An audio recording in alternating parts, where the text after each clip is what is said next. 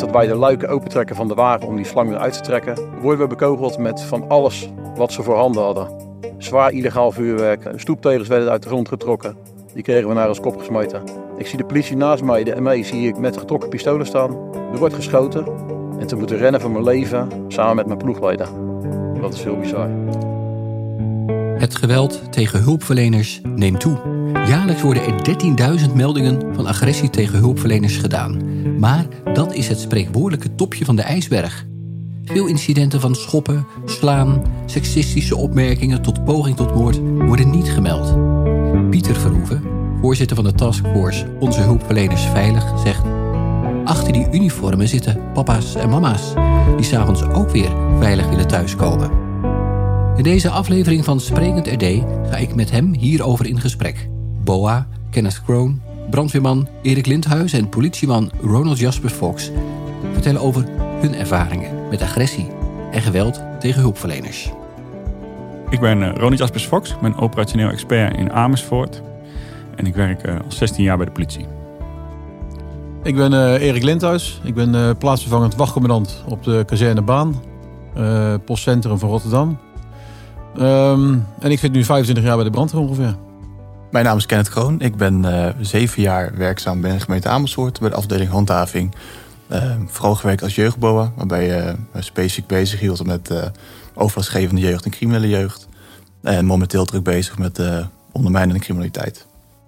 Nou, we gaan het hebben over agressie tegen hulpverleners. Alle drie hebben jullie daarmee te maken in jullie werk. Is dat iets wat, wat dagelijks voorkomt of het komt voor? Ja, bij mij komt het gelukkig niet dagelijks voor. Mm -hmm. uh, maar het komt wel voor en het is heel wisselend hoe vaak het gebeurt. En wat voor soort agressie moet ik aan denken? Ja, het, eigenlijk in alle vormen waarin je agressie hebt. Het begint vaak bij verbale agressie. Maar het kan ook uh, heel snel overslaan in fysiek. En dat is ook iets wat ik de laatste jaren zelf meemaak. Dat het mm -hmm. veel sneller fysiek geweld wordt. Geldt het ook als je bij de brandweer werkt? Daar hebben we ook te maken met agressie. Wel minder als, als bij de politie en bij de, bij de handhaving. Um, ja, wij hebben vooral te maken met agressie tijdens uh, hulpverlening. Tenminste, tijdens uh, oud en nieuw uh, jaarwisseling. mensen die dronken zijn het weekend op straat. daar wil nog wel eens wat, wat ellende van komen. maar gelukkig is dat een stuk minder als, als bij de overige hulpverleners. Ja. Ja. En hoe zit het bij de handhaving? Wij hebben gelukkig ook niet dagelijks te maken met, uh, met geweldsincidenten. Uh, mm -hmm. Waar wij vooral het geweld in meemaken is een stukje horecageweld. Uh, waarbij vaak middelengebruik de oorzaak is. En de grens net even wat verder ligt dan normaal het dagelijkse leven. dat is waar wij vooral tegenaan lopen. Ik kan me voorstellen dat agressie, ehm, ja, dat je daarmee te maken krijgt bij jullie werk hoort. Alleen ik kan me ook wel voorstellen dat er ergens een grens ligt. Hè, van wat, wat, wat is nu acceptabel? Wat is voor jou ja, acceptabele agressie? Ja, dat is wel dat is lastig om eigenlijk is agressie. Ik snap wel dat mensen boos kunnen zijn. Mm -hmm. Of als ze agressief tegen elkaar zijn en ik kom daar als politie bij en wil die situatie stoppen. Daar komt agressie bij kijken. En natuurlijk, wij zijn ook getraind om geweld te gebruiken. Om dat eventueel zelfs in te zetten om de situatie onder controle te krijgen. Maar ik vind eigenlijk agressie nooit echt acceptabel. Mm -hmm. En helemaal niet als het fysiek gaat worden richting ons of richting uh, andere hulpdiensten. En hoe is dat uh, voor jou? Ja, ik, ik, sluit me daar zeker bij aan. Kijk, mensen mogen, als ze een bekeuring krijgen of uh, ze worden aan de kant gezet, ze mogen het best niet eens zijn. Mm -hmm. um, maar je merkt inderdaad wel de laatste tijd dat, dat de grens daarin val wordt verlegd. Uh, dat het sneller inderdaad gaat richting verbaal uh, geweld um, of fysiek geweld. dus daar is de grens inderdaad wel wat, wat in verlegd. Ja. Wat is voor jullie nu het meest heftige voorval dat je hebt meegemaakt als het gaat om agressie? Ja, helaas uh, heb ik meerdere heftige incidenten gehad. Ik kan ze niet echt uh, renken, want het is ook mm -hmm. heel wisselend in de situatie. Maar helaas heb ik in de 16 jaar uh, meerdere hele heftige incidenten gehad. Waar ik, die ik voor altijd wel in mijn herinneringen meeneem. Ja. Kun je er een voorbeeld van geven? Ja, dus bijvoorbeeld een voorbeeld die met oud en nieuw is gebeurd. Waarbij we voor ondersteuning van de ambulance dienst worden gevraagd bij een naam woning naar een feestje is en is iemand mogelijk onwel of heeft hulp nodig. Alleen de ambulance weet niet precies wat daar gebeurd is. Dus ze zijn ook wel bang of het wel veilig is voor hun om daar binnen te komen. En we komen daar, het blijkt helemaal niks aan de hand. Is gewoon iemand is gevallen en heeft, moet hulp krijgen. Dus we staan voor de woning en een feestje van een paar deuren verder. Denken dat wij daar komen voor iets anders of dat er iets gebeurd is binnen. En die komen zich ermee bemoeien. Zijn meteen agressief, verbaal. En willen naar binnen. En ja, dat kan natuurlijk niet, want de ambulance is daar bezig. En dat wordt uh, een handgemeen dusdanig dat ik uiteindelijk met mijn collega ook echt uh, bekogeld word. En dat we collega's erbij moeten roepen. En dat we echt een hele benarde situatie hebben gehad met z'n tweeën. En uiteindelijk met meer collega's erbij zijn we getraind en kunnen we uh, de situatie weer onder controle krijgen. Maar er is eigenlijk niks aan de hand. Hè. Dan krijgt Mhm. iemand hulp. En, nou, ja, en toch escaleert het zo vreselijk. Van dit verhaal is een filmpje gemaakt voor de campagne Taskforce Onze Hulpverleners Veilig. Maar ook van een voorval dat jij hebt meegemaakt als brandweerman in Rotterdam, Erik. Laten we daarna gaan luisteren. Op een gegeven moment word ik gebeld door de meldkamer. Er is een demonstratie aan de gang op de Koolsingel. Ik ga zeggen, eh, ik moet je sturen. Laat dus twee kwaden. Nou, ik zeg, eh, joh, eh, we gaan die kant op. Op een gegeven moment ehm, wordt er een auto in de brand gestoken. Ja, dat bleek dus een politiewagen te zijn. Stond tegen een flat aan. En op het moment dat wij de luiken opentrekken van de wagen om die slang weer uit te trekken, worden we bekogeld met van alles wat ze voorhanden hadden. Zwaar illegaal vuurwerk, stoeptegels werden uit de grond getrokken. Die kregen we naar ons kop gesmeten. Ik zie de politie naast mij, de ME, zie ik met getrokken pistolen staan. Er wordt geschoten. En te moeten rennen voor mijn leven, samen met mijn ploegleden. Dat is heel bizar. Ik heb de noodknop ingedrukt op mijn porto. Dat betekent dat ik rechtstreeks een open lijn heb met, eh, met de meldkamer. Ik zeg dat wij moeten rennen voor ons leven, omdat het niet veilig is om op te treden hier zo. Het enige wat bij mij nog in mijn achterhoofd zat, die auto is niet uit. Hij staat tegen die flat aan, er zitten mensen in die flat, die zitten in de val.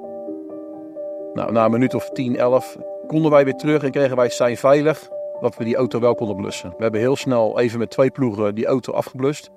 Even richting die flat gekeken, joh, is hij niet naar binnen geslagen? Ehm, nou, dat bleek gelukkig niet het geval te zijn. Het heeft best wel wat, wat impact gehad op ons. Ik kan mijn jongens niet zomaar ergens naartoe sturen meer in ons achterhoofd nemen wat er gebeurd is eh, die bewuste avond. Wij worden gealarmeerd om jullie te helpen. Laat ons dan ook ons werk op een normale en veilige manier doen. Ik vond het zelf toen ik het ook eh, beluisterde, denk ik van je staat daar eh, een brand te blussen. En ondertussen staat de ME om je heen om jullie te beschermen, als ik het heb goed heb begrepen. Ja, klopt, ja. ja. Ja, dat was een hele bizarre situatie, eh, die, die bewuste avond. eh. dat is net zoals wat, eh, wat mijn collega zegt. eh, die blijft voor mij altijd in mijn geheugen zitten. Mhm. Eh, dat gaat er nooit meer uit. En eh, ja, daar, daar denk ik nog wel eens aan. En eh, dat is gewoon een hele bizarre situatie geweest. eh, zeker voor mij en mijn ploeg. ehm, dat we daar echt hebben moeten rennen voor ons leven. Eh, We moesten alles achterlaten wat we daar hebben, hadden staan. De brand konden we niet uitmaken. De mensen die in die flat zaten, die wisten wij niet of dat die veilig waren. En je, je hoort om je heen hoor je, hoor je schoten. Mhm. Je voelt allerlei stenen en vuurwerk naar je toe gegooid worden. Ja, dat is gewoon heel bizar. En kan jij een voorbeeld geven, Kenneth, van geweld of agressie waar jij mee te maken hebt gehad? Ja, zeker. Ook eh, in die zeven jaar dat ik eh, werkzaam ben, diverse geweldsincidenten meegemaakt. Natuurlijk Mhm. binnen de horeca, maar ook binnen, binnen het jeugdbouwwerk, waarbij ik eh, waarbij ook in bepaalde groepen terechtkomt. Nou, op een gegeven moment gewoon op surveillance, wat groepen gesproken. Nou, ook wat groepen wat, wat echt wel een risicogebied lag voor ons. En ehm, ja, op een gegeven moment wilden we eigenlijk gewoon even controle uitvoeren bij een, eh, bij een garagebox, een middengaragebox op een rij. Maar dat stukje liep wel dood. Wij draaien ons om. En we merken eigenlijk dat het door, door 7, 8 jongeren die we eerder daarvoor gesproken hebben, eigenlijk ja, ingesloten worden. Uh, bivakmutsen op, kap, capuchons op. Mhm. Ja, dat, dat, dat is een dreigende situatie. Daar voel je je echt niet fijn bij. Ehm, dat doet dan ook wel een beetje als persoon. Dan, dan, dan, dan doe je dat niet meer vanuit de uniform, natuurlijk. Je handelt, je bent getraind, je bent professioneel. Ehm, je handelt, eh, je, valt terug naar de basis en naar die trainingen die je gehad hebt. Maar dan, eh, dan zie je wel een aantal dingen voorbij flitsen. En dan, eh, dan, is dan hebben wij het voor dat ook de samenwerking met politie en Amersfoort heel goed is. Mhm. We hebben natuurlijk geen geweldsmiddelen. We moeten heel veel verbaal moeten wij oplossen. Ehm, en dan kom je er wel uit. Ehm, dat is niet uitgelopen op specifiek, specifiek fysiek geweld. Maar dat zijn wel zaken wat een bepaald gevoel bij je opgeeft. En waardoor echt wel nog steeds, als je daar op die locatie langs rijdt, dat je toch wel denkt van hé, hey, eh, hier is dat toen gebeurd. Mhm. En dat is, eh, dat is heel iets wat je meeneemt. Op wie kan je terugvallen als je met geweld te maken krijgt? Als ik naar, eh, naar ons kijk vanuit de brandweerkant, ehm, ik hoef maar een knop in te drukken op mijn porto. Een nood, eh, noodknop druk ik in. Ik heb contact met de meldkamer en ik vraag mijn spoed eh, politie. Dan weet ik zeker dat er, eh, dat heb ik al een aantal keren ervaren, dat er met eh, twee, drie minuten staan er gewoon een aantal politiewagens eh, die ons kunnen beschermen en die het van ons over kunnen nemen. Mhm. Kijk, wij hebben natuurlijk geen middelen om, om mensen uit te schakelen. Ja, een straal water hebben bij ons. Eh, 40 bar kunnen op, het, op de persoon zetten. Maar of dat echt gaat helpen, weet ik niet. Nee. Maar daar hebben wij de politie voor inderdaad. Ja. ja. En je bent bevelvoerder. Klopt. Betekent dat ook dat er voor jou nog een bepaalde rol is weggelegd als je met eh, geweld, agressie te maken krijgt binnen je team? Nou ja, sowieso. eh, ik heb natuurlijk de, de porto bij me, ik kan een noodoproep eh, doen. Mhm. Ehm, en daarbuiten er komt dan, ja, dan gaan we hoe heet het, aangifte doen natuurlijk. Mhm. Dat ga ik dan ook regelen. En ja, dat hoort er ook al bij bij mij mijn taak. ik moet ook zorgen dat mijn mensen gewoon veilig weer, weer naar huis kunnen. Ja. En dat vind ik wel een hele belangrijke. Ja. Kijk, we zijn met z'n zessen en we willen met z'n zessen gewoon weer 's ochtends naar huis toe. eh. Dan heb je het over het doen van aangifte. Ik sprak eh, de voorzitter van de taskforce, Pieter Verhoeven, en die zegt van dat zou eigenlijk veel meer moeten gebeuren. Ja, je zit vaak in je workflow. Je bent als slachtoffer, je wilt niet dat dit gebeurt. En je hebt vaak heel veel andere zaken ook te doen. En dan denk je, ach, we hebben hem ook al binnen zitten voor openbare verstoring. Dus het is wel goed zo. Eh, laat het maar hiermee. En, ehm, dus ik denk dat het, dat ook wel vaak de insteek is. En soms is het juridisch ook gewoon lastig Mhm. om aan te tonen wie nou precies wat heeft gedaan. Als je voor zo'n groep van 50 mensen staan, daar wordt vanuit gegooid. Ja, bewijs maar strafrechtelijk wie nou echt de gooier is geweest. Dat wordt ook vaak gewoon een heel lastig verhaal. Ja. En die inschatting weten we als politie natuurlijk zelf ook wel goed te maken. Ja. Even terug naar eh, eh, van wie je steun krijgt. Bespreken jullie de voorval ook met de thuisfront? Ja, zeker. Ja, ik eigenlijk. ehm, ehm, en dat is ook wel belangrijk binnen ons werk. Dat je ook daarin wel een stabiel thuisfront hebt. Dat, dat alles wat gebeurt op het werk. ehm, ja, dat je thuis daarin ook wordt opgevangen. We maken natuurlijk heftige dingen mee.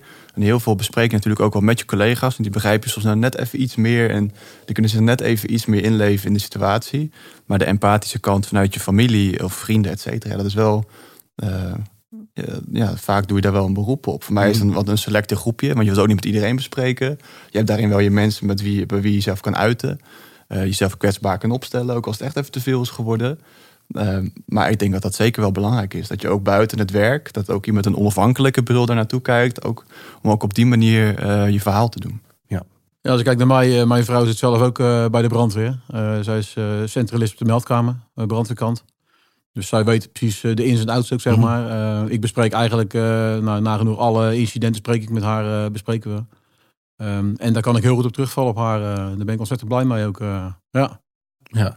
Ja, dat is voor mij gelukkig ook. Mijn partner bespreek ik alles mee. En ja, de, de details. En, en zowel thuis natuurlijk met mijn vrouw, maar ook wel ehm, met vrienden. Want dat Mhm. is ook wel, nou, wat Kenneth ook zegt. Het is heel belangrijk om ook met mensen die niet eh, binnen de hulpverlening werken, hierover te hebben. Ook wel een beetje te- soms de nuance weer terug te vinden. Eh, en ook wel om ja, ook wel vanuit de burger daar eh, vragen over te krijgen en een normale gesprek over te kunnen voeren. Ja. En het helpt wel bij de verwerking. Kunnen jullie door ja, wat jullie hebben meegemaakt nog wel voldoende energie halen uit je werk? Of zijn er momenten dat je denkt, nou, ik heb er eigenlijk geen zin meer in?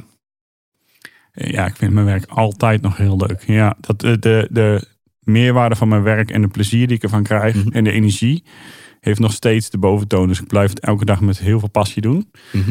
Maar ik heb wel eens dat ik eh, eh, denk, ja, daar ga ik. En ik weet wat voor dienst ik tegemoet ga. Ja. En ik weet niet hoe ik precies thuis kom. En dat weet mijn vrouw soms ook en mijn Mhm. kinderen.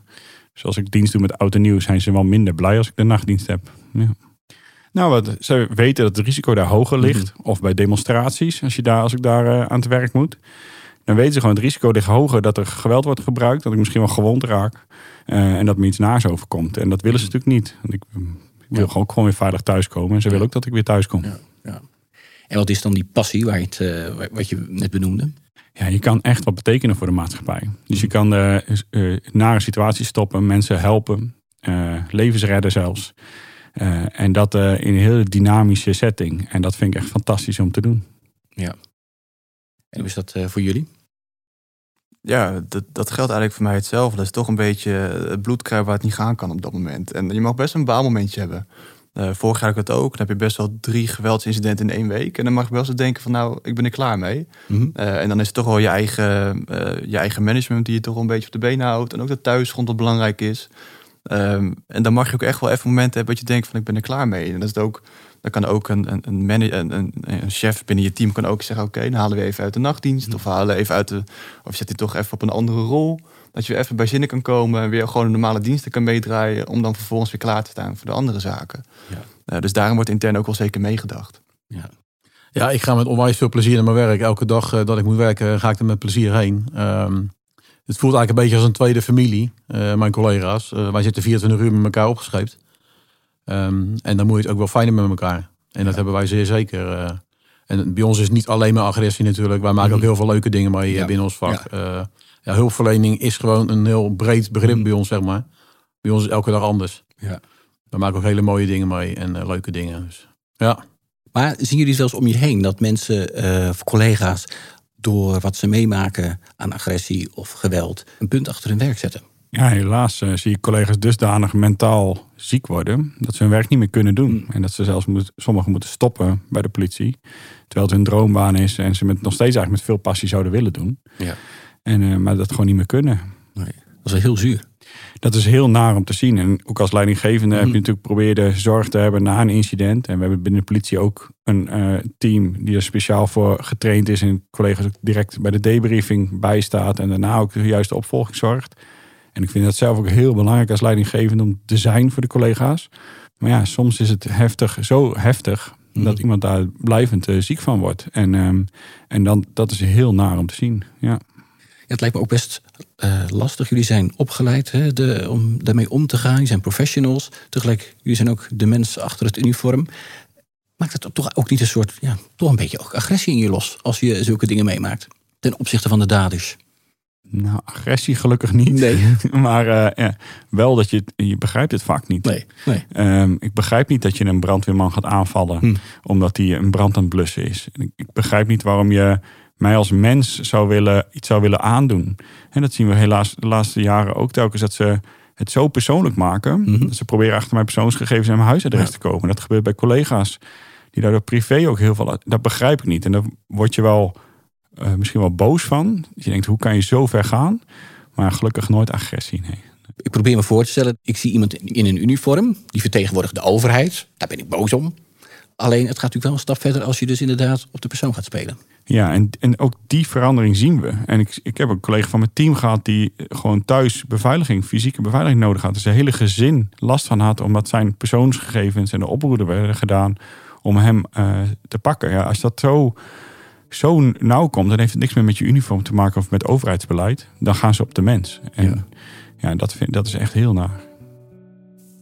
De taskforce Onze Hulpverleners Veilig is eh, 2,5 jaar geleden opgericht om het geweld tegen hulpverleners te laten dalen. En ik spreek erover met burgemeester Pieter Verhoeven. U bent de voorzitter van de taskforce. Kunt u kort uitleggen wat is die taskforce en wat is uw rol? Dank voor eh, dit gesprek, want ik vind het belangrijk dat we met elkaar nadenken over wat er nu speelt in de samenleving. Ook daaruit gaat onze veiligheid. Eh, en de veilige werkplekken ook voor eh, politieagenten en brandweerlieden en BOA's. De taskforce is eh, begonnen omdat er in Rotterdam een agent werd neergeslagen. Omdat hij een trouw toeterstoet aansprak op het feit dat ze geluidsoverlast veroorzaakte. En vervolgens werd hij zo hard geslagen op zijn hoofd dat hij inmiddels met eervol ontslag is. En er was heel veel commotie toen over in de Tweede Kamer. Want ja, filmpjes van en eh, hij deed zijn werk. En vervolgens, eh, ik heb hem ook eh, gesproken. en af en toe nog wel. Gert-Jan, een sympathieke vent, echt een diender, zo'n klassieke agent... die dan ja, als gevolg van optreden tijdens werk arbeidsongeschikt raakt. Want daar hebben we het dan over. En hij is niet de enige. Er zijn elke week al enkele gewonden bij de politie te bespeuren en te betreuren. De minister toen, Grapperhaus, heeft gezegd... eh, ik wil eh, een halvering van het aantal incidenten. Nou, ik zou dat zelf niet zo herhaald hebben. Maar goed, ik ben ook geen minister van Justitie, ik ben een burgemeester. Ik zou eerder nog een verhoging van het aantal aangiftes willen... rond agressie en geweld jegens hulpverleners. Want ja, corona heeft het niet doen verminderen. hè. Het is, eh, als je alleen al kijkt naar de politiecijfers, want die houden het het beste bij. En bij de politie wordt er per jaar zo'n eh 13.000 eh, meldingen opgemaakt binnen hun systeem. Dat heet dan GTPA, geweld en agressie tegen politieagenten. Dus dat betekent eh, dat er 13.000 gevallen zijn waarin er sprake is van schoppen, slaan, eh, seksistische opmerkingen, poging tot moord zelfs. Eh, nou, nou, echt, echt heftige dingen. Bij eh, agenten notabene die ervoor zijn voor onze veiligheid. Ja, ja. En daar zitten papa's en mama's achter die uniformen. En die komen s'avonds ook weer thuis. En die willen graag hun schoenen veilig thuis brengen. En zichzelf. Eh, en die dan toch wel onderweg eh, mentale butsen en deuken opdoen. En eh, dat dat gebeurt, dat is ergens ook weer niet helemaal vreemd. Hè? Want ze zijn natuurlijk voor opgeleid. Je, je wil ook een robuust optreden. Maar dat het stabiel hoog ligt. Eh, eh, jaar in jaar uit, dat is een, een zorgwekkende trend. hè. Dus bij mij is- is- kun je ook niet spreken meer van een incident. hè. Dus dat Gertjan werd neergeslagen en volgens arbeidsongeschikt raakte. eh, dat is niet alleen een incident, het is helaas een trend. Afgelopen weekend zijn er weer brandweerlieden bekogeld... eh, terwijl ze aan het blussen waren in Poeldijk. Ja. En u zegt van, ehm, eigenlijk zou u meer melding willen hebben van incidenten. Dus dat betekent eigenlijk van die 13.000 die eh, bekend zijn, dat is Een topje van Een topje. Eh, de spreekwoordelijke ijsberg. Ben ik bevreesd voor? We weten niet, maar wat ik wel weet is... Nou, laat ik dan één voorbeeld geven. Ik was zelf met uh, Oud en Nieuw eh, een aantal jaar geleden eh, hier eh, ergens in de stad. Eh, en ik zat eh, achterin een agent en die eh, werd een, vrouw... die werd uitgescholden voor hoer. Nou, dat, dat laat ze op dat moment lopen. Want als zij dan deze zeg maar, verdachte naar binnen zou trekken en zou verhoren... dan ben je heel de nacht bezig eh, met alleen dit ene incident. eh, terwijl het misschien wel de meest onveilige nacht van het jaar is. Dus dat laat je dan lopen. Terwijl, dit zeg je natuurlijk tegen niemand. Dat zeg je tegen je moeder niet, dat zeg je Nee. tegen je buurvrouw niet. Laat staan tegen een gezagsdrager. Ehm, dus er zijn ook wel eh, situaties denkbaar... dat agenten het al min of meer hebben geaccepteerd. Dat er K-ziekte valt. eh, en dan K-agent. En dat ze vanwege het feit dat ze zoveel andere dingen moeten doen... eh, zelfs eh, zo'n belediging al eh, niet meer melden... en laat staan aangifte van doen. Want uiteindelijk van die 13.000, eh, die worden dan in het personeelssysteem opgeschreven... zijn er zo'n 7.000, 8.000, hou me te goede... die dan doorgezet worden naar het Openbaar Ministerie. En dat is wel echt wat wij doen. En als het mag, ook via deze podcast, ook naar de mensen die een uniform dragen. Doe wel aangifte. Meld het bij je baas. Maar doe ook aangifte. U bent nu eh eh 2,5 jaar voorzitter van de taskforce. Heeft u in die 2,5 jaar het geweld of het aantal incidenten zien afnemen, toenemen? Ja, Het is eh, stabiel hoog. Stabiel dat, hoog. dat is wat je nu ziet de afgelopen eh, jaren. Het is, al, het is zeg maar zo'n 30% gestegen pre-corona. Eh, en het is zeg maar van zo'n 10.000 incidenten vijf jaar geleden gestegen naar zo'n 13.000 eh, per jaar. En we weten, en dat gaat dan nog steeds over politiecijfers. Ja. We weten dat, het, eh, dat de inzet op straat door politieagenten eh, ook onder druk staat. En dus ehm, als je nog eens een keer beseft dat er minder operationele uren zijn op straat, dan pakken we het vijf tot tien jaar geleden. Dus, dus de kans dat je op straat iets overkomt, wel eh, groter geworden. Maar hoeveel groter weten we niet, omdat er van heel veel zaken geen aangifte wordt Nee. gedaan. Ook niet door de BOA's of ook niet door, door de brandweer. Eh, en we willen wel bij de werkgevers zijn, eh, in de eerste plaats. Neem in ieder geval wel je verantwoordelijkheid als werkgever. Ja. Maar wat is dan de reden dat ze eigenlijk geen aangifte doen? Nou ja, het kan ook leiden tot een soort secundair slachtofferschap. Eh, want de bureaucratie die is niet altijd barmhartig. Die kan ook wel eens bruut met de mensen omgaan. In die zin, dan doe je aangifte. Maar dan duurt het een half jaar of een jaar totdat de zaak een keer voorkomt bij de rechter. Dat geeft dan toch stress. Dan heb je die rechtszaak en dan krijgt de verdachte toch eh, minder straf dan je had gehoopt.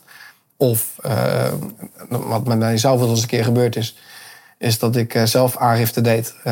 omdat iemand beneden bij de balie heel boos was op de gemeente Gouda. En zei, ik ga nu naar het huis van de burgemeester en ik ga ze eruit in gooien. Nou, mijn dochter was op dat moment alleen thuis. Ik aangifte gedaan en vervolgens krijgt de betrokkenen vrijspraak. Ja, dat, dat, dat, dat is ook niet. eh, kijk, er zijn misschien heel goede redenen voor geweest. Ik ben niet eens bij de rechtszaak geweest. En eh, volgens mij eh, is er nog wel een, een vervolggesprek geweest over die ene specifieke casus. En dan is het bij mij nog zo van joh, ik ben deze casus in principe alweer vergeten en ik ga over tot de orde van de dag. Ja. Het is ook niet gebeurd. Het was alleen maar een soort boos dreigement. Maar stel je voor dat er inderdaad iemand eruit eh, intikt. Of eh doxing is ook zoiets hè, wat, wat tegenwoordig, daar gaan we het misschien zo nog over hebben, eh, bedreigd wordt. Joh, als je nu mij op de bond slingert, eh, dan maak ik een foto van je en dan zet ik je op Facebook en ik weet waar je woont. Nou, dat is gelukkig is dat strafbaar inmiddels. Ja, dus ik, ik zie ook wel dat er goede dingen gebeuren bij de overheid. Dat, dat de maatschappelijke acceptatie eh, wel afneemt. Uh, althans, ik hoop daarop. Ja. Nou, ik ehm, heb naar een uitzending van WNL zitten kijken. En daar kreeg u de vraag van wie leert er thuis een agent op zijn bek te slaan? En toen zei u van dat kan voorkomen als je zo kritisch bent op de rol van de overheid. Toen dacht ik, kan dat dus een opstelling zijn van ouders of van mensen thuis, dat ze zo kritisch zijn op de overheid, dat dat dus zich op deze manier uit door incidenten of geweld tegen hulpverleners? Ja, zeker kan dat. Uh, sterker nog, bij de jaarwisseling uh, gebeurt het niet zelden dat in bepaalde uh, probleemgebieden mhm.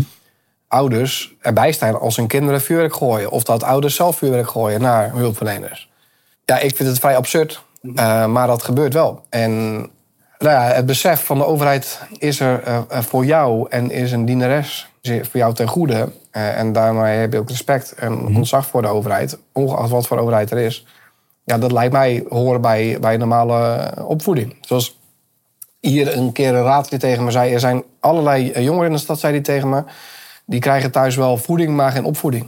Ja. ja. Of in ieder geval onvoldoende opvoeding. Ja. Uh, dus kijk, op het moment dat je uh, heel kritisch bent over de overheid... en dat mag, hè, want ik ben, ik ben niet van de school... Uh, alsof wij alles perfect doen... en, en, en dat je vooral maar uh, altijd moet gehoorzamen. Integendeel, ik denk dat daarom is het, het, recht om te demonstreren en te manifesteren is, is bijna heilig in een rechtsstaat. Mhm. Je, je mag uh, van alles vinden, ook van het functioneren van de overheid.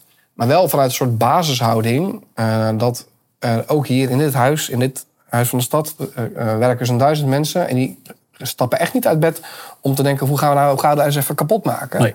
Die doen dat om de stad een beetje mooi te maken. Vindt u dat de straffen die er staan op het geweld tegen hulpverleners wel afschrikwekkend genoeg zijn? Straffen doe je pas in de klas. kinderen eruit sturen, strafregels laten schrijven. Als het echt niet anders meer kan, dan doe je als een uiterste maatregel.